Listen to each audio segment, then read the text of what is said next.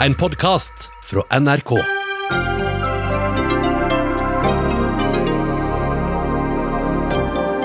Sjakkstjernen Magnus Carlsen inngår omstridt sponsoravtale med utenlandsk bettingselskap. Fremskrittspartiet håper dagens avtale fører til et endelig farvel med norsk spillmonopol, og møter Arbeiderpartiet til debatt. Den norske kirke får stadig kjeft for å være for politiske. Hva har den nye preses Olav Fykse Tveit tenkt å gjøre med det? Det er på tide å ta et oppgjør med begrepet velferdsprofitører, mener Høyres Torbjørn Røe Isaksen, og møter Rødt, som er veldig glad i begrepet, til debatt. Og er Nord-Norge de brutte løfters landsdel? Vel, det mener iallfall Arbeiderpartipolitiker fra Finnmark, som får motbør fra Høyres stortingsrepresentant fra samme fylke.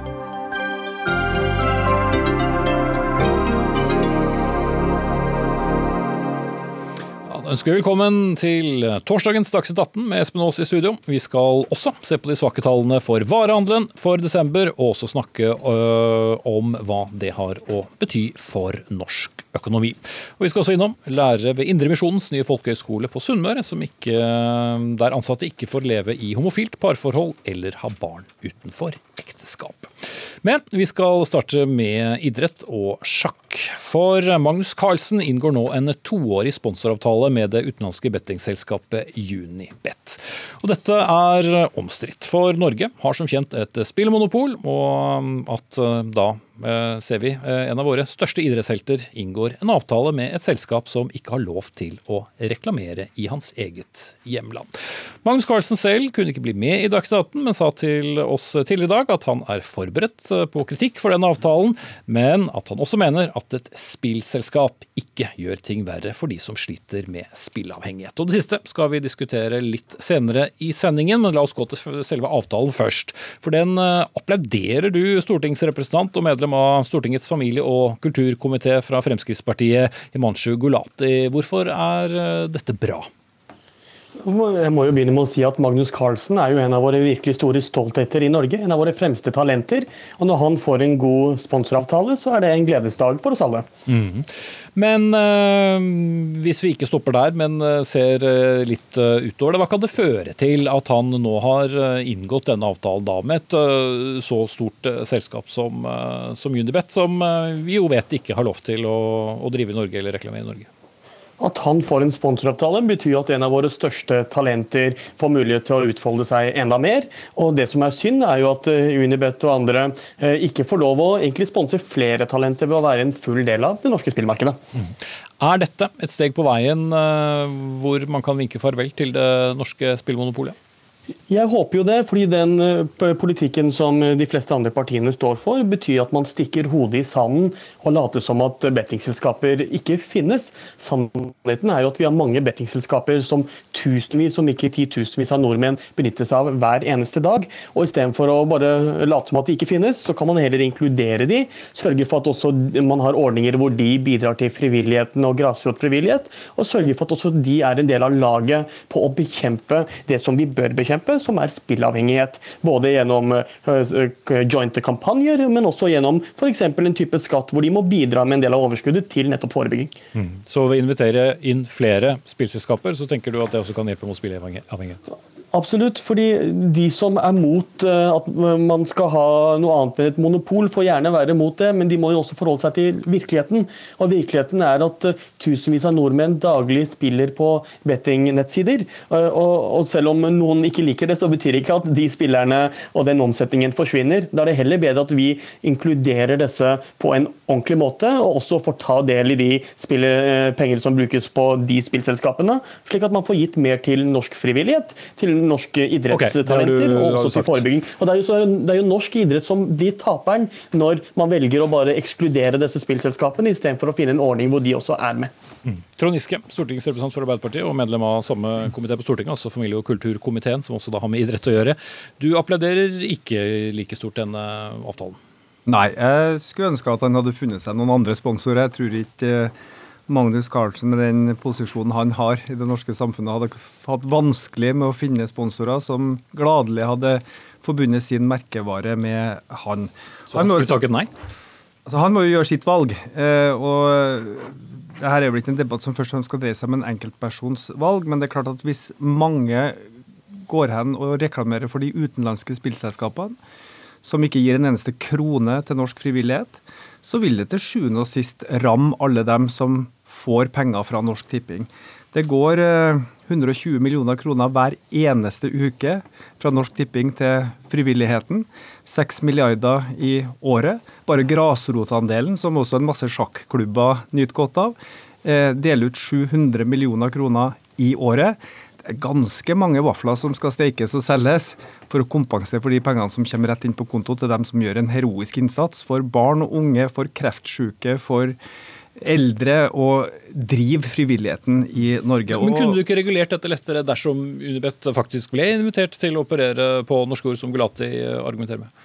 Ja, det er jo forsøkt andre plasser med lisensiering av utenlandske spill, men du kommer jo aldri i en situasjon hvor du kan lisensiere alle utenlandske spill inn i Norge. Eh, og uansett vil jo de utenlandske spillselskapene ønske å ha en del av sitt overskudd til aksjonærene. Det er bare Norsk Tipping som er ideell stiftelse og gir hver eneste krone i overskudd tilbake til gode formål. Og Det er jo gjort beregninger på at frivilligheten kan tape kanskje over en milliard på å begynne å lisensiere. og I tillegg så vil du få mer trøbbel med å kontrollere spillavhengighet og, og, og, og den type ting, som jo er det andre formålet med Norsk Tipping. Gulati. Ja, her synes jeg Trond Giske eh, bommer, fordi ser man til Danmark, hvor de har en lisensmodell, så ser vi at de eh, private spillselskapene de må betale 20% av overskuddet til forebygging, slik at man får en økt forebyggingsinnsats. Og Vi ser også at Norge har f.eks. dobbelt så mange spillavhengige som Danmark, selv om Norge har et eh, monopol. Så Giske og Arbeiderpartiet sin framgangsmåte det er jo at man skal hindre nordmenn i å spille på private selskaper. Man ønsker også større restriksjoner restriksjoner på eh, IP-adresser, bruk av kort osv. Mens vår holdning er å heller inkludere disse selskapene, gi de lisenser og, og la de også bidra til frivilligheten og forebygging, noe som også eh, Giske er opptatt av, hører jeg. Men du skal ikke ha så veldig god karakter i matte for å skjønne at det å gi 20% av overskuddet til forebygging, og det å gi 100% av overskuddet til frivillige organisasjoner, det utgjør en ganske stor forskjell. Og den grasrotandelen som er nevnt, som Frp har stemt imot hver gang det har kommet opp i Stortinget, den gir, eh, sånn som i mitt hjemfylke, Barnekreftforeninga, en halv million kroner. I Rogaland for Barnekreftforeninga 300 000. I Lommedalen, Magnus Carlsens egen eh, oppvekstplass, så får idrettslaget nær 100 000 fra grasrotandelen. Og det, det, er jo ikke det er jo ikke oss politikere man rammer ved å reklamere for Unibet. Man rammer jo Lommedalen idrettslag.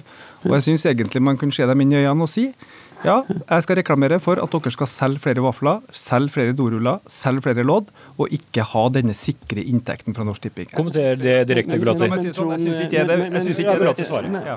Men, men, men Giske, det er jo du som uh, egentlig setter en stopper for at vi kan gi disse enda mer. For i dag så bruker nordmenn rundt 3,5-4 milliarder kroner på utenlandske spillselskaper. Og Menon har uh, anslått at hvis man heller fikk en lisensmodell, så ville staten få opptil 2 milliarder kroner kroner mer i skatteinntekter. Og De to milliardene de kunne jo vi ha brukt nettopp til å gi til de eh, idrettslagene og andre frivillighetslag. Så det er jo, så Istedenfor å ta noe som helst av den kaka som allerede er hos utenlandske spillselskaper, så vil du heller bare eh, late som at de ikke finnes. Det vi sier er at La oss anerkjenne at de er der, og heller la de også bidra, slik at disse lagene du nevner, kan få mer penger. Jo, men Det bygger jo på et resonnement om at da skal spillinga øke kraftig. og En av formlene med Norsk Tipping er jo at du skal tilby ansvarlige spill. Du kan ikke spille bort eh, mange titusen kroner i løpet av en dag på Norsk Tipping, for det er grenser, og spillene er ikke så avhengighetsskapende. Eh, så derfor så, Jeg syns det er synd at vi skal reklamere for utenlandske spillselskap. Jeg, si sånn, jeg syns Magnus Carlsen har gjort bedre trekk enn som så å stille opp for eh, et slikt eh, selskap, men det er hans valg. Eh, og vi andre får bare fortsette å slåss for norsk frivillighet. Men, men også, så Der føler jeg Giske bommer, for det man også ser i Danmark, hvor det da er et samarbeid, så, så kan de som sliter, eh, ha, blokkere seg hos alle selskapene gjennom å blokkere seg ett sted. Den kontrollen har vi ikke i Norge. og Jeg tror mange synes at eh, en del av reklamene til Norsk Tipping også kan være ganske aggressive. og I steder hvor man har lisensmodell, så ser man at det er strengere restriksjoner på hva slags type reklamer man skal ha. Så, men Poenget er at Når man ikke ønsker å inkludere disse selskapene i det gode eh, selskapet, så får man ikke kontrollert noe som helst enn å gjøre som vi vil gjøre, nemlig kontrollere noe av det de gjør. For eh, til slutt, eh, Giske, sier du ikke da også samtidig at eh, de pengene som i dag går til utenlandske selskaper, de får da bare fortsette å gå dit? Ja, altså vi, vi kommer jo aldri til å kunne hindre helt at folk kan opprette en konto i Storbritannia og spille på Unibet og Betson. Og vi ønsker vel ikke et samfunn heller hvor det ikke er mulig å gjøre slike ting. Men det vi kan gjøre da, i solidaritet både med dem som risikerer å spille seg fra hus og hjem, og som ikke klarer å kontrollere spillinga si, og norsk frivillighet, det er å begrense reklamen for disse spillselskapene så mye som mulig. Og selv om du ga fire-fem spillselskaper lisens, så vil det fortsatt være hundrevis som ikke gir en krone tilbake til frivilligheten. Dermed kan de gi bedre premier, dermed blir de mer attraktive, og de har ingen restriksjoner på hva slags spilltyper de har. og Det skaper avhengighet, og det rammer frivilligheten. Mm. Skal dere politikerne få hvile litt, og så skal jeg gå videre til deg, Pernille Husby, generalsekretær Akti, som da er rusfeltets samarbeidsorgan. Hva tenker du at eh, en avtale som den Magnus Carlsen nå har eh, inngått, eh, kan ha bety? Jeg mener at dette er en, jeg, jeg, tror det oppfattes som en hån mot alle de som opplever å ha pengespillproblemer i Norge, og familien deres. Eh, det at Magnus Carlsen bruker ansiktet sitt til å legitimere en bransje som, opplever, som opptrer så uh, ugreit som den gjør. Uh, og vi vet jo at om lag halvparten av de som spiller på de utenlandske spillselskapene, har et problem eller er risikospiller. Eh, og det er for meg et veldig tydelig signal om at denne bransjen driver på en måte som er eh, ugrei, og som jeg hadde håpet at Carlsen holdt seg for god til. Mm.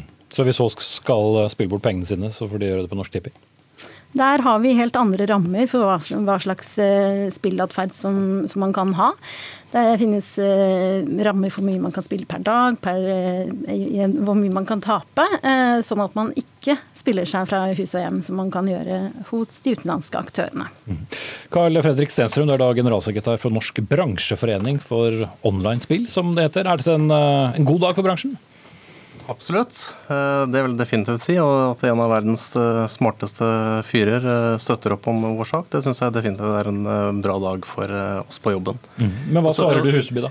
Ja, først vil jeg si at jeg, det gleder meg at Giske trekker inn Lommedalen her, sånn, for jeg har vokst opp og er fra Lommedalen. Mm. Og jeg, ingenting jeg skulle ønske mer at de fikk mer penger enn de 100 000 kronene som du trekker opp.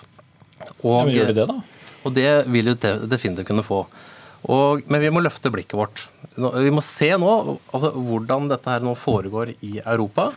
Eh, og ikke minst det nærmeste eksempelet som vi har, det er Sverige, som har lagt om til en eh, lisensmodell. Og vi må huske på at vi har et monopol i Norge i dag fordi at vi ønsker oss å beskytte spillere mot å få spilleproblemer. Mm. Og det er det er vi helt enig i. Altså det, det, det ønsker vi. Hvordan kan dere bidra til det? Nei, det er gjennom å ha et generelt eh, stoppsystem for uh, nordmenn. Hvor da, Hva betyr det? Som gjelder for alle som er i markedet. Om det er Norsk Tipping, eller Norsk Rikstoto, eller bingobransjen, eller Postkodelotteriet, eller hva det måtte være for noe. Også Unibet, Betson. Og så sier de at ja, men det, de vil jo ikke være med på det her, sånn, det kommer ikke til å skje. Og da må vi bare se til Men Hva, hva betyr det konkret? Altså En begrensning på hvor mye de kan spille? Det betyr at jeg som, eh, som spiller kan stoppe meg ett sted, på spillepause.no. Og da får jeg ikke deltatt i å kunne spille verken lotto eller sportsspill eller kasino eller poker eller noe som helst mm. hos noen aktører. Mm. Fungerer det, Husby? Det høres eh, veldig flott og bra ut. Eh, problemet her er jo at eh, med å åpne for et kommersielt marked, så vil man hele tiden ha en underby hverandre på ansvarlighetstiltak. Og det er jo som vi ser i Danmark, vi ser det i Sverige, at også som gode på papiret veldig gode ordninger utnyttes til det fulle, og man har ikke den motoren i, i systemet som, et, for eksempel, altså, som Norsk Tipping hos oss er i dag med å være en pådriver for nye ansvarlighetstiltak eh, som da eh, svarer ut det politikerne ønsker seg. Og der, der, vil vi få en helt annen mekanisme med en gang man åpner for, eh, for en lisensmodell, og det ønsker ikke vi. Mm. Det, er ikke, det, er jo ikke korrekt, og, eh, og, det ser vi også når vi nå ser i, i hvordan ting fungerer i Sverige. Det er over 90 selskaper som har lisens i det svenske markedet og som forholder seg til dette systemet. er sånn. Og så vil det alltid være, som du sier, Giske, at det vil alltid være en liten andel som vil gå utenfor øh, systemet. Og I Danmark så har du da det som heter kanalisering, en kanaliseringsgrad på 91% Hva betyr det? Det betyr at 91 av omsetningen går inn i det lisensierte systemet, mens da ni kroner av en hundrelapp havner på utsiden. Mm. Bare litt på troverdigheten på det at man ønsker ansvarlighet. For eh, det er jo ganske nylig at eh, bransjeforeningen som Stenstrøm eh, representerer, har lansert et ansvarlighetsetisk regelverk for de aktørene som opererer eller mot norske markedet ulovlig. Der skulle man ha en del grenser for hvordan, når man skulle la spillerne få spille. Så kom det også opp en rettssak nå i høst hvor vi hadde altså en mann som tapte har spilt 18 millioner kroner hos Unibet. Og det tok altså langt ut på sommeren 2019. Da hadde han også spilt og tapt pengene til familien, til han har svindla familie og venner for å kunne finansiere den spillingen. Og hvis det er den etiske liksom, grensen som skal gjelde, så kjenner jeg at den er, den er for altfor høy for meg. Du svare kort på det, Stenstrøm, før vi skal ha inn en femte person her. Altså, Den type saker eh, det har du også innenfor dagens eh, modell i det norske markedet. Du finner ikke det i Norsk Tipping-systemet i dag, kjære Stenstrøm. Men eh, da kan det, jo da, det finnes flere enn bare Norsk Tipping i det norske markedet som bingobransjen og som Norsk Rikstoto. Det er det jeg er ute etter. At vi ønsker at det skal være et felles system for alle som deltar i pengespill. Det... Ok, nei, jeg må også okay. det her, for jeg vil ha inn uh, vår egen sportskommentator Jan Petter Saltvedt her i NRK. og hvis vi går nå tilbake til utgangspunktet. altså En av våre aller største uh, idrettshelter blir altså sponset av et spillselskap som ikke har lov til å reklamere eller drive i Norge.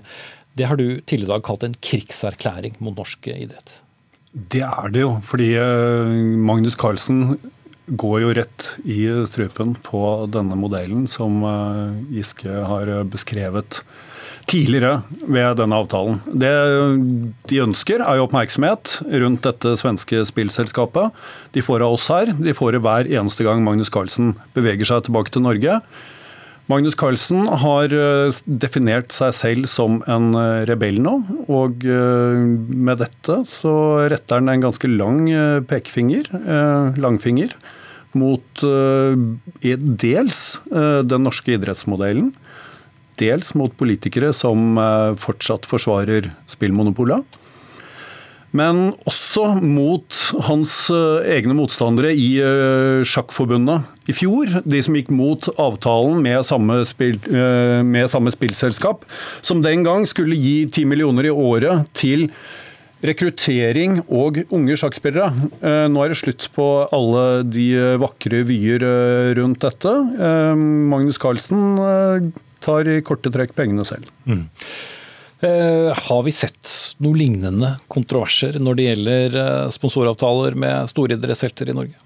Det har jo vært uh, store idrettshelter. De fleste av dem har jo vært på god vei til å bli fallerte på det tidspunkt de har inngått denne type avtaler. Det, den vi kan sammenligne det best med, tror jeg kanskje er ishockeyspiller Mats Zuccarello, som inngikk en avtale med samme selskap. Ble nekta å spille for Norge i VM av den grunn. Eh, ellers har vi jo hatt eh, eh, fotballhelter for noen. Jon Arne Riise først. Jon Carew, som holder på fortsatt. Han gjorde det på slutten av karrieren.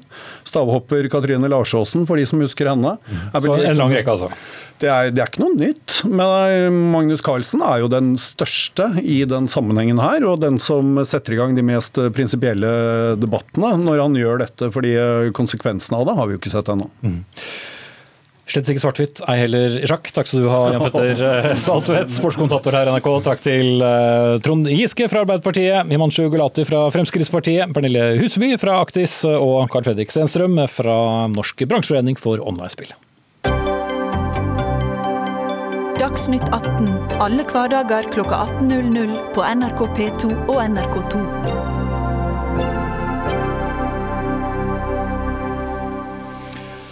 Så til en uh, arena hvor det vel iallfall ikke skal uh, drives spill. Den norske kirke har i dag fått en ny frontfigur, eller preses, som selve sjefbiskopen kalles. Og det er deg, Olav Fykse Tveit, som overtar etter Helga Byfuglien, som har hatt denne stillingen i åtte år. Vi kjenner deg bl.a. som generalsekretær i Kirkenes verdensråd gjennom mange år. Du er med oss eh, fra Trondheim, og ja, hva er det du aller helst ønsker å gjøre i din eh, nye og så mange nok vil si mektige rolle? Det er en stor og krevende oppgave, men det er jo også en flott oppgave som jeg er bedt om å ta på meg. Og jeg har jo lyst til at eh, Kirka skal stå fram eh, frimodig og, og ærlig, og at vi kan bidra med viktige budskap, med støtte til de som trenger det, men også bidra inn i det norske samfunnet i tida som kommer. Mm. Den norske kirken har jo fått eh, absolutt endret eh, sin status og sin, sin, tilknytning gjennom de siste årene. Er det en annen form for norske kirke som du skal eh, lede nå, enn den som du soknet til en gang for lenge siden? Kirka, som alle andre institusjoner, er jo i utvikling, og tida forandrer seg også. Det som er jo et stort uh, forandringspunkt her, er jo, er jo den offisielle forholdet til staten. Det som jeg ikke tror nødvendigvis har forandret seg så veldig, er, er, forholdet til folket. Men det som for meg er veldig viktig, det er jo at, at Kirka fortsetter med å være til stede der folk er, og forkynne evangeliet, formidle nestekjærligheten og budskap om, om det, på en sånn måte at det er troverdig. og slik at folk i vår tid også ser at dette er et godt budskap, og dette er noe å slutte seg til. Mm. Og det, det, budskapet og den, den rolla er jo den samme, men det, det, vil skifte fra tid til tid. og det, Jeg har jo sett eh, i min rolle i, i Kirkens verdensråd at det er jo veldig mange måter å være kirke på i forskjellige sammenhenger i verden. Mm. Og Her hjemme så har vi jo da sett Den norske kirke engasjere seg mye i en del store saker. Det kan handle om flyktningesaken. Eh, nå nylig hadde vi saken om eh, IS-kvinnen. Det har vært miljøsaken og flere andre. Noen setter ikke så stor pris på det engasjementet, deriblant noen politikere. og I helgen hørte vi FrPs eh, nestleder Sylvi Listhaug si til Dagsrevyen at mange ikke føler seg hjemme i Den norske kirken fordi den blander seg inn i politikken. Hvordan kommenterer du det utsagnet? Det er jo heller unntaket at kirken i verden ikke engasjerer seg i sånne saker som gjelder menneskeverd og menneskets verdighet, som gjelder vern om skaperverket, fred og slike ting. Og Hvis du ser rundt på de andre kirkene i Norge i dag også, eh, også frikirkene som vi så kaller de, så er de med og engasjerer seg ganske tungt i slike saker, de også. Jeg tror det er vokser fram en erkjennelse av at eh, når en er kirke i et åpent samfunn, så er en med i det offentlige ordskiftet, i verdiskaping, altså å definere hva som er våre felles verdier. Og Da blir den også en del av det som blir politiske spørsmål av og til. Mm. Betyr det at uh, vi også kommer til uh, å se deg ta del i den offentlige debatten om, om, store og tidvis kontroversielle saker? Ja, jeg mener at det ligger til oppdraget Kirka har. og Når en skal forkynne evangeliet og og prøve å finne ut hva er det dette nestekjærlighetsbudet betyr i dag, så, så vil en komme inn på saker som også har politisk karakter. Men først og fremst ut ifra kirka sitt budskap og, og, den moral og den etiske verdier vi vil stå for. Mm. Og Det betyr at du også mener at uh, saker som uh, asyl, flyktninger, uh, miljøsaken også kan linkes da direkte til, til, det som står skrevet i, i teksten? Ja, dette er jo veldig typiske saker som si, veldig mange av kursene i Kirkenes verdensråd engasjerer seg i.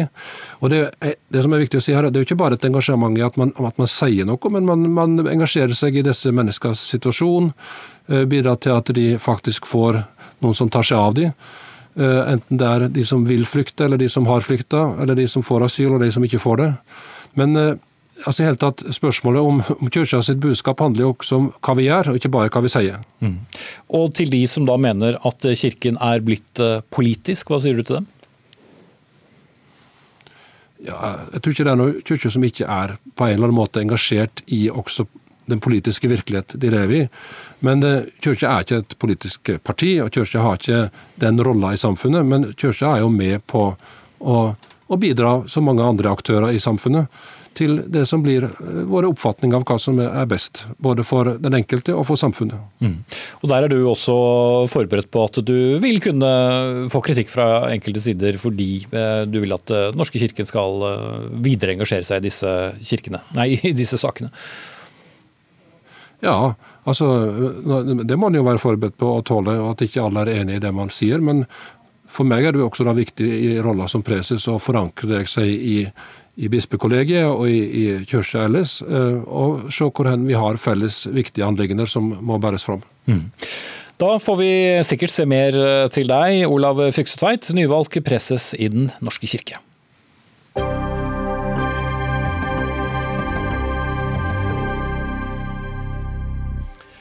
Hvor kommer forakten for Nord-Norge fra, og er Nord-Norge som de brutte løfters landsdel? Ja, disse ord har du skrevet, Ingalill Olsen, leder i Finnmark Arbeiderparti, i en kronikk i avisen Nasjonen i dag, og du peker da bl.a. på oljen fra Castberg-feltet, som likevel ikke skal ilandføres, ilandføres i, i Finnmark, en svekket beredskap i luftambulansen og regionreformen. Store saker som vi har vært innom alle som en her i Dagsnytt 18, men er det det samme som forakt? Ja, det kan man lure på. Jeg må si at jeg fikk etter hvert en snikende følelse av at eh, Nord-Norge forskjellsbehandles i forhold, til, eh, i forhold til resten av landet. Og det er jo det er en ubehagelig følelse. og Det er derfor jeg har brukt den overskrifta, selv om jeg vet at den er ja, kanskje provoserende og kanskje sårer noen.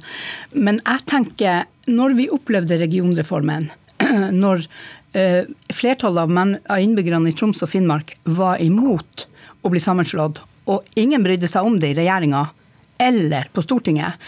Og bare overkjørte fullstendig. Det er det ene. Det andre er det å bli lurt i Johan Castberg-saken.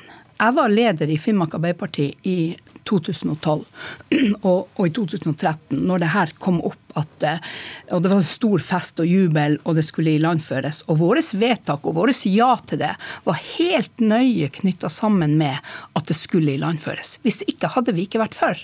Og så har det gått seks år, og så sitter vi igjen og er rett og slett lurt. Men da sa jo Equinor si, her i Dagsnytt 18 også at uh, forutsetningene har, har, endret seg? Ja, det, bedrift, det kan de gjerne si. Men det er dem som har skapt forventninger, og du kan si regjeringa har altså bare latt det her gå og har ikke brukt krefter på å presse igjennom og si at det her, her går grensen. Og jeg tenker at Hvis man skal hente ut eh, naturressurser i Finnmark og i Nord-Norge, ja, da må det komme noe igjen til, eh, til, landsdelen. For hvis ikke, så er vi ikke interessert i å avgi sjøareal til oppdrett. At olje og gass skal komme med de konsekvenser det kan få. Eh, avgi, avgi areal til vindparker osv.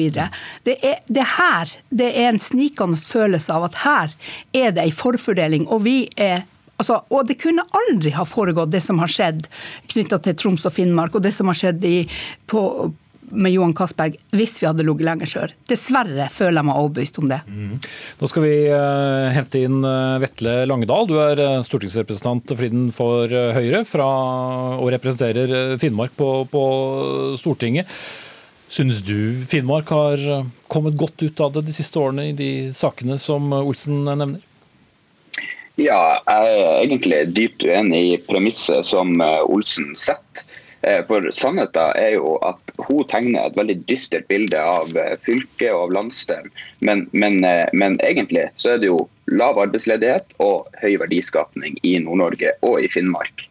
Um, og uh, De årene vi har sittet i regjering, så har vi gjort uh, veldig mye bra. Vi har bygd nytt sykehus i Kirkenes. Hammerfest, det er gjort vedtak eh, langs Helgelandskysten. Eh, nytt i Narvik. Vi har bygd Klinikk Alta. Mm. Sameklinikker i Karasjok. Nytt på UNN. Eh, vi bygger mer vei enn noensinne, og mye av det er i Nord-Norge. Kjøretida mellom Narvik og Alta er redusert okay. betraktelig. Nå, nå og, benytter du deg et godt gammelt ja, politisk grep og nevner helt andre ting enn det vi nei, snakket om. Nei, men, men, hvis du forholder deg til de sakene som, som Olsen da tar ja, opp i kronikken, men, hvordan du vil svare på dem, er, er du fornøyd med hvordan de sakene endte? Både fylkessammenslåingen, ilandføringen Røldingen eh, osv.? Ja, jeg er fornøyd eh, eh, med fylkessammenslåing fordi jeg tror det er nødvendig. Og så tror jeg at dagens fylkesråd gjør mye for å sette seg på bakbeina og ikke utnytte de mulighetene det gir. Og Når det gjelder ilandføringa, så det jo, var det jo Arbeiderpartiet som satt i regjering når det vedtaket ble gjort. Og, og At premissene har endra seg, det er helt klart. Men Arbeiderpartiet må være, bære sitt, sin del av ansvaret også. Mm. Olsen. Ja, jeg hører jo at eh, Høyre og regjeringa og du Vetle ikke bærer ditt ansvar i forhold til det med Johan Castberg. Det mener jeg er et svik. Det er et svik mot befolkninga som på en måte ble lovt noe helt annet. Og det går ikke an å behandle ei befolkning sånn. Så, eh, og at Du du skulle overkjørt et Ja, et av våre største eh, selskap. Ja, jeg syns det er helt utrolig at de kan tillate seg det, å lure ei befolkning, for det er det de har gjort. Og jeg mener det er helt utilgivelig, og man kan ikke drive den slags rovdrift på ressurser. Men la oss ikke Og- sitte bare fast i en Castberg. Vi har vi hatt en lang debatt over Ja. Equinor også fikk lov til til å svare, for det kan de ikke gjøre nå. Men hvis vi tar litt med det store bildet, for du, du skriver jo det er en, en full side i Nasjonen i dag med, med, med mange punkter som for det meste handler da om politikk. Ja, og, og du kan si det er en beskrivelse, men jeg tror at veldig mange kjenner seg igjen i det. Og det betyr ikke at ikke det er områder hvor det går bra. Selvfølgelig er det det, og heldigvis for det. Men vi må kunne peke på det som faktisk ikke er bra. Og den følelsen av at jaha, er det her et eller annet underliggende? Er det sånn at vi, det er ikke viktig nok? Er det forskjell på hvordan man behandler folk i nord, hvordan saker i nord blir behandla kontra folk i sør? Og jeg tenker det er viktig å diskutere det, for hvis det er sånn, sånn som jeg føler det, ja da må vi ta fatt i det, for det er totalt uakseptabelt. Og vi kan ikke ha det sånn. Ok, eh, Langedal, vil du si at det er eh, likebehandling enten man eh, bor i nord eller sør? Ja, og Det var jo litt poenget med den opplysninga jeg hadde i sted, for å vise at, at det skjer ganske mange store investeringer eh, også i Nord-Norge. Eh, og så liker jeg ikke denne ideen om at, om at regjeringa på død og liv må komme og redde oss i Nord-Norge. Eh, og det tror jeg det er et flertall eh, i Nord-Norge som er enig med meg i. Eh, fordi den beskrivelsen Olsen kommer med her, den stemmer ikke. Og det sinnet du viser til i Nord-Norge, det er jo nettopp fordi man gjør sånn som det du gjør nå, og nedsnakker hele landsdelen. Og klart får, folk et negativt inntrykk da. Men jeg har vært og reist rundt i Nord-Norge, og, og de jeg har møtt er positive. Med tro på seg sjøl og tro at vi ikke trenger at søringene skal komme og redde oss, som det ser ut til at du mener. Ja, snakker du ned din egen landsdel? eh? Nei, jeg prøver å beskrive en følelse. Og jeg registrerer, jeg får masse tilbakemeldinger, så jeg registrerer at jeg tror det er flere enn meg som Og jeg synes at det Nå har jo Høyre sjøl satt inn en, en eh, distriktsminister, og det er jo nettopp, tror jeg, fordi de holder på å miste grepet på det feltet, fordi de registrerer at det er masse frustrasjon ute. Så det er nok ikke riktig så, så, så gyllent som, som han Vetle forklarer det. Og jeg tenker f.eks. Hvis, hvis vi skal ta en opplisting. Ja, vi bruker, vi bruker veldig mye på vei i dette landet. Massevis. Og vi har økt masse. Og det bygges masse flotte motorveier. Eh, og hvor er de henne? I, fylket Finnmark, som han Vetle og jeg er fra, bygges det ikke én meter vei. Og det illustrerer jo Ja, kanskje det også er ganske urimelig, for vi har òg våre utfordringer. Sånn at jeg tenker at istedenfor å gå og, og drive med forsvar for alt som regjeringa gjør, de er premissleverandør, f.eks. For i forhold til Johan Castberg, og kan sette premissene så det skulle da blott bare mangle at man ikke adresserer noe til dem, så må man jo heller kunne diskutere er det noe i det her. Og hvis det er bare en liten flik i det her, at, at vi blir eh, behandla annerledes, ja da må vi diskutere det, fordi det er ikke akseptabelt. Og da må vi kunne gjøre det fordi vi vil det beste for fylket vårt og for området, for Nord-Norge. Hvis du da skal få runde av, Vetle Langedal, eh, så mener du stadig at eh, det er ingen flik sannhet i det Ingalill Olsen sier? Nei, og når hun sier at det ikke bygges en meter vei i Finnmark, så er jo det helt feil. Eh, Og det vet hun sjøl. Vi bygger et nye Tana bru, Skabergtunnelen. Og Kvænangstunnelen, som blir et vanvittig stort eh, prosjekt, er jo et finnmarksprosjekt mer enn noe annet. Eh, Sånn at Hun leverer på eh, et innlegg i Nasjonen på, helt feil premisser og tegner opp et bilde jeg mener er- er dystert. Og Det tror jeg man også kan kjenne igjen i f.eks. Jonas Gahr Støre sin Nord-Norge-plan har rulla ut i VG her for litt siden. Hvor han tok opp industri, ilandføring på Veidnes og desentralisert utdanning som tre punkter. Men ikke klarte å levere ett eneste konkret eh, punkt om noe eh, som helst innenfor de områdene eh, som lovnader. Og Det mener jeg er ganske beskrivende for hvordan Arbeiderpartiet snakker om landsdelen til de store mediene i dette landet. Vi kunne nok laget flere lister og holdt på enda litt, men takk til Ingalill Olsen, leder av Finnmark Arbeiderparti, og Vetle Langedal, som er stortingsrepresentant for Høyre fra Finnmark.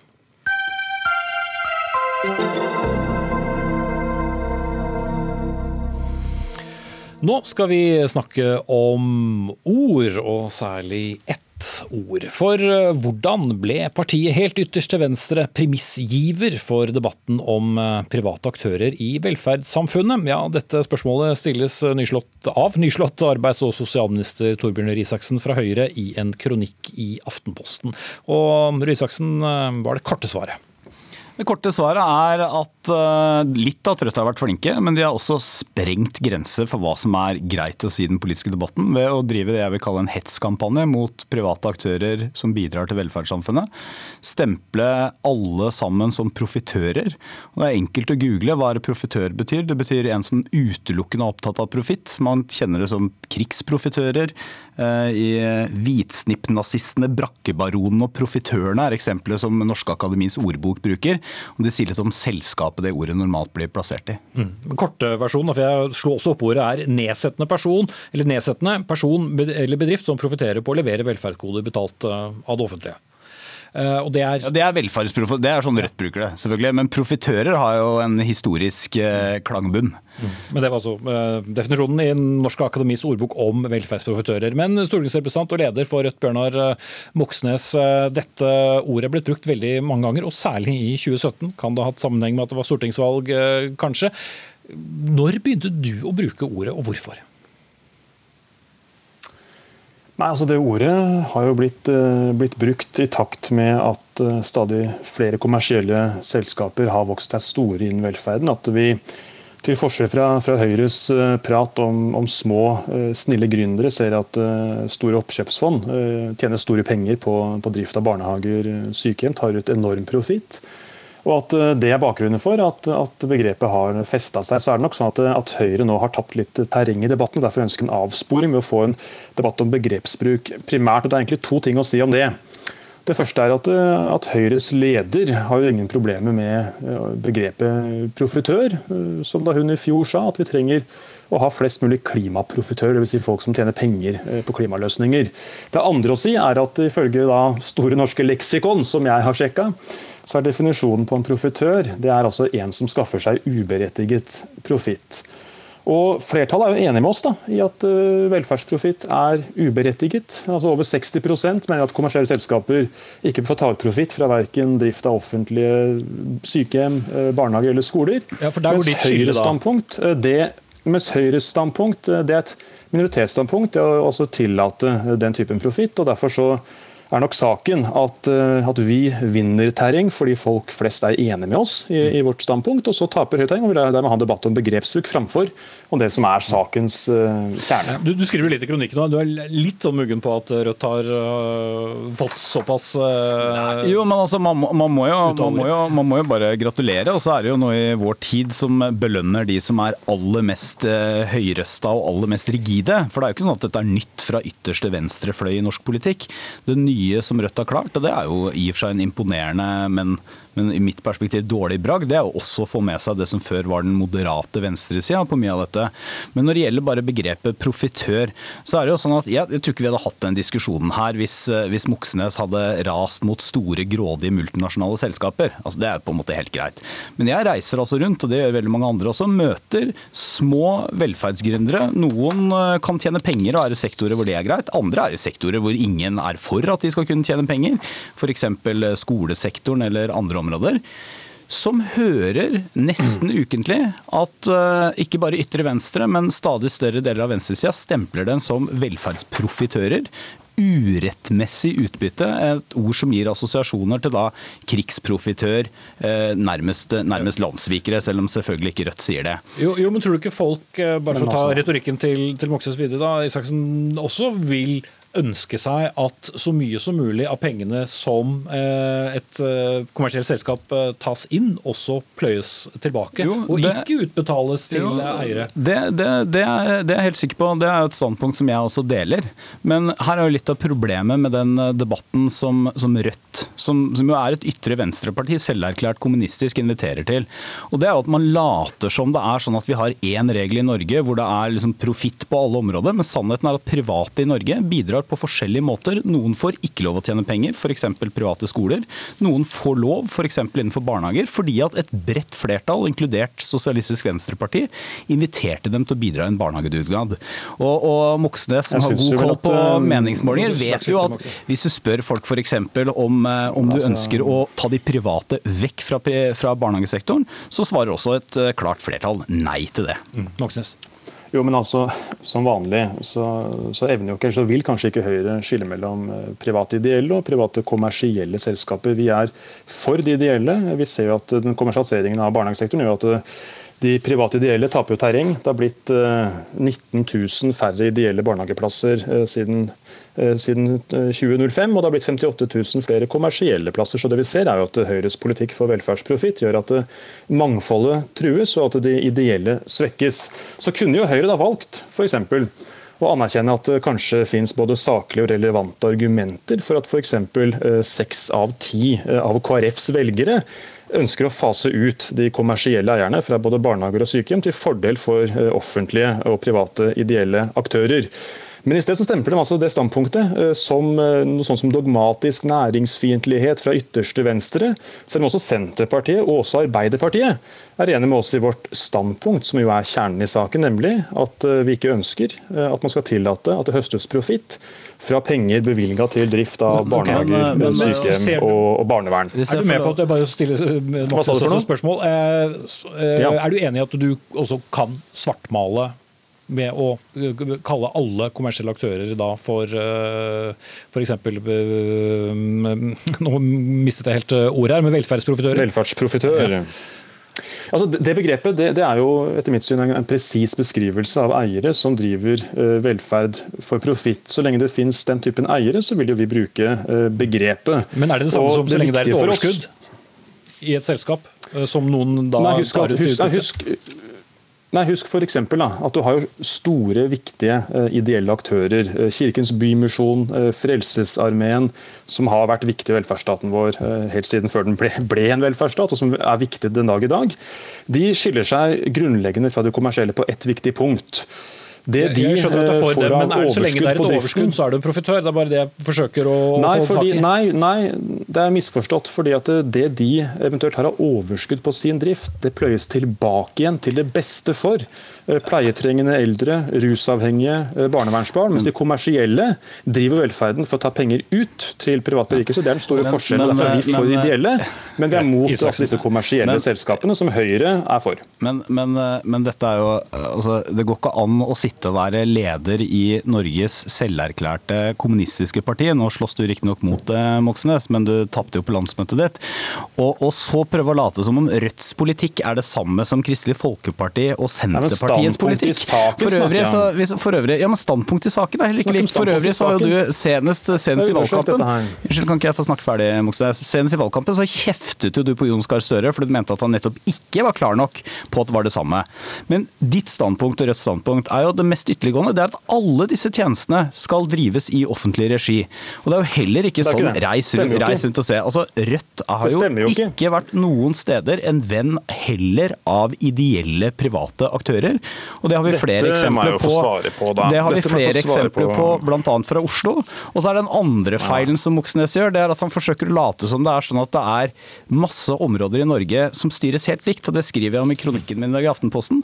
På mange områder så er de private det er jo det er også det Det er jo, det er jo, in, det er jo interessant å, å høre på Høyres rørende omsorg for de ideelle private. Når vi også vet at Høyres politikk som har vært gjennomført, har ført til et massivt nedgang i antall ideelle private barnehager og en voldsom vekst i det kommersielle.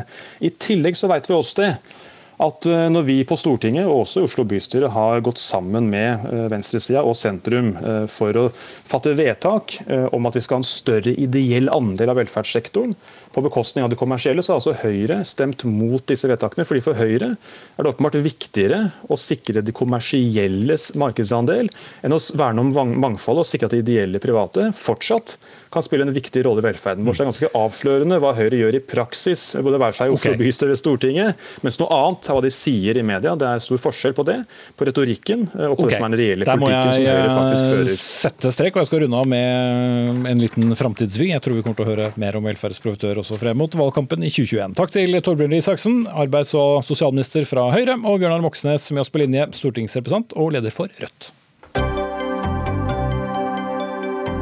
Hør Dagsnytt 18 når du vil. Radio NRK Radio.nrk.no.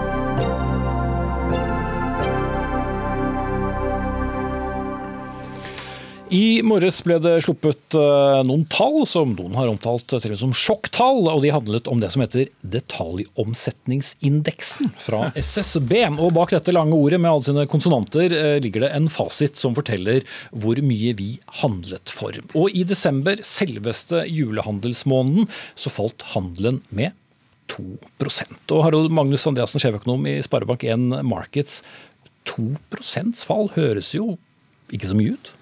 Nei, det er ikke så veldig mye heller. Vi har hatt flere måneder med større utslag i handelen. Um, og vi skal være forsiktige med å lage noen spesiell historie på én måned. Uh, I november så var det en økning på 1% Sett at vi handlet for 100 i oktober. Tar vi tolvekstraksisten her. Så handlet vi for 101 i november. Og så falt det 2% til 99. Hvis vi legger sammen to siste månedene, så er det samme nivået som vi hadde i oktober. Mm. Men likevel så er det mange av dine kolleger som uh, har brukt tid på både å svare og, og skrive om dette i dag. Så hvorfor er dette så viktig tall? Hva er, det, hva er det de forteller oss? Ja, altså for det første så er det viktig hva husholdningene gjør i en økonomi, også norske. Så er uh, det er en stor del av etterspørselen er det vi går og handler i butikkene. Så hvis ikke folk handler i butikkene, så vil det gå dårligere for næringslivet, for butikkene først, også for de som produserer, selv om mye er importert. Og det påvirker arbeidsmarkedet og mye annet. Så det er all grunn til å fokusere på hva folk gjør. Mm. Og, og så er det da slik at Vi har sett en svakere utvikling over lengre tid i handelen. Så handelen nå i fjerde kvartal i år den var svakere enn i tredje og den var på samme nivå som i fjerde kvartal i fjor. Og Det er ikke så vanlig at vi har nullvekst over en såpass lang periode. Mm. Porteføljeforvalter i Storbanen, Olav Skjenn, eh, hva tenkte du da du hørte disse tallene? Hva, hva fortalte deg? Nei, Det var veldig svake tall, og som Harald Magnus påpeker, så er det et viktig tall. Da privatkonsum utgjør eh, nesten 60% av BNP, tror jeg. Så hva som skjer med husholdning og privatkonsum er veldig eh, viktig. Men jeg tror samtidig de tallene er veldig volatile. Eh, altså at de kan endre svinger, seg over tid? Ja, svinger. Svinger veldig mye. Men det er nok noe i at eh, vi har hatt en renteoppgang i Norge også, hvor da folk med høye lån, tror jeg, har merket eh, siste års eh, stigende renteutgifter. Eh, samtidig så tror jeg faktisk det er en sånn strukturell trend her også, som, som, er lett å spekulere i, i forhold til at folk tenker mer på eh, Istedenfor å kjøpe det femte skiparet eller eh, TV nummer tre osv. Med tanke på klimaet så har man vridd, eh, tror jeg, eh, forbruket mot mer opplevelse og tjenester. Jeg tror det er en strukturell trend som vi ser her også. Eh, så, sånne ting tror jeg spiller, eh, spiller, eh, inn. Det siste er også at, som henger litt sammen med, med, renteoppgangen, at vi har fått et gjeldsregister. Jeg ser at Finanstilsynet før jul faktisk så at mislighold av eh, forbrukslån faktisk stiger, til tross for at arbeidsledigheten er lav, lønnsveksten er god. slik at Det er litt urovekkende da man får da et samlet bilde av total gjeld, som har vært stor. fordi Det har vært et sånn svart hull tenker jeg, når det gjelder, når det gjelder forbruksgjeld, som ikke har blitt inkludert i total Eh, gjeldsbelastning, som nå tror jeg eh, blir adressert mye tydeligere. Og Vi har sett litt lavere gjeldsvekst de siste månedene. og Det kan være begge forholdene som sier, både renteoppgangen og at det er mer kontroll på forbrukergjelda nå enn tidligere. Mm. Og Det er jo noe bl.a. Norges Bank eh, ønsker deg, og, som regjeringen Ja, Det burde vi ønske alle sammen, det burde kommet mye tidligere. Men det er klart det kan ha en effekt på økonomien. Idet du strammer inn på kreditten, så vil du også få lavere vekst i etterspørselen. Ja, og Det er jo det jeg tenkte skulle gå til nå. for Kjøper vi mindre mindre, så tjener butikkene eh, mindre. De trenger eh, færre ansatte, som igjen da betaler mindre skatt. Altså, eh, kan dette være starten på en større korreksjon, eller? Ja, vi se, hvis vi ser litt tilbake, så har vi hatt nå en seks-syv år omtrent uten reallønnsvekst i Norge. Reallønnsnivået hadde kommet for høyt opp da oljepris og oljeboom var på toppen i 2012-2013. Og etterpå har vi fått noe helt annet, med oljeprisfall, svak kronekurs, høyere inflasjon en periode og svak utvikling i reallønningene. Men til å begynne med så fortsatte konsumet ganske bra, og med det resultat at sparingen falt. Og nå har de siste par årene sparingen kommet noe tilbake nå, inntektsveksten blitt litt bedre. Strømprisene faller, og det hjelper på reallønna som folk får. Eh, men forbruksveksten er svakere, og jeg tror fordi at mange egentlig hadde dratt sparingen for langt ned. Og Det er en helt nødvendig tilpasning. Hvor vi står foran et stort tilbakeslag, det, det tror jeg nok ikke mest på. Risikoen, faremomentet i Norge, som i alle land som har økt gjeld og boligpriser mye, det er at noe skjer på boligmarkedet. Før det kommer en korreksjon på boligmarkedet, så er jeg ikke spesielt bekymret nå for at, eh, at forbruket vil gå surt. Uh, Ola Skjønnes løfter blikk litt fra hva vi brukte penger på i desember. Så har vi også sett en oljepris uh, som går ned, nedgang uh, på børsen og, og stadig en, en svak krone. Og nå mye internasjonal uro uh, pga. selvfølgelig denne influensaepidemien. Er investorer nervøse på inngangen til 2020? Absolutt, men samtidig så må man ha i bakhodet at ta f.eks. aksjemarkedet. Eh, gikk jo til nye eh, toppnivåer egentlig før det korrigerte ned også. Men det er helt klart en kobling nå mellom koronaviruset og det man ser av frykt. fordi det er veldig usikkert, og man ser at spredningen er eh, veldig høy. Eh, slik at man frykter at aktiviteten eh, vil stoppe opp globalt. Eh, først og fremst, og mest direkte, si da eh, flytransport eller flydrivstoff, som da rammer f.eks. oljeprisen. Men fortsetter det her, så vil jo det, med parallell som vi så under SARS i 2003, ramme økonomisk aktivitet. Det verste for en økonom eller økonomisk aktivitet er jo folk bare sitter hjemme, mm. gjør ingenting. Det er faktisk det verste man kan kan oppleve som økonom i forhold til eh, økonomisk eh, vekst. Så det her er noe man følger eh, tett. Men jeg vil si samtidig at det er for tidlig å si at vi er, går inn mot en kraftig nedgangskonjunktur. Vi ser faktisk helt, eh, helt, i det siste at eh, industrisykelen, som på en måte var det som dro ned de globale makrotallene i fjor, faktisk er i ferd med å stabilisere og stige nå. Mm. Ja, Da avslutter vi på denne lille positive endelsen der. Takk til Olav Skjenn, porteføljeforvalter i Storebrand, og Harald Magnus Andreassen, sjeføkonom i Sparebank1 Markets.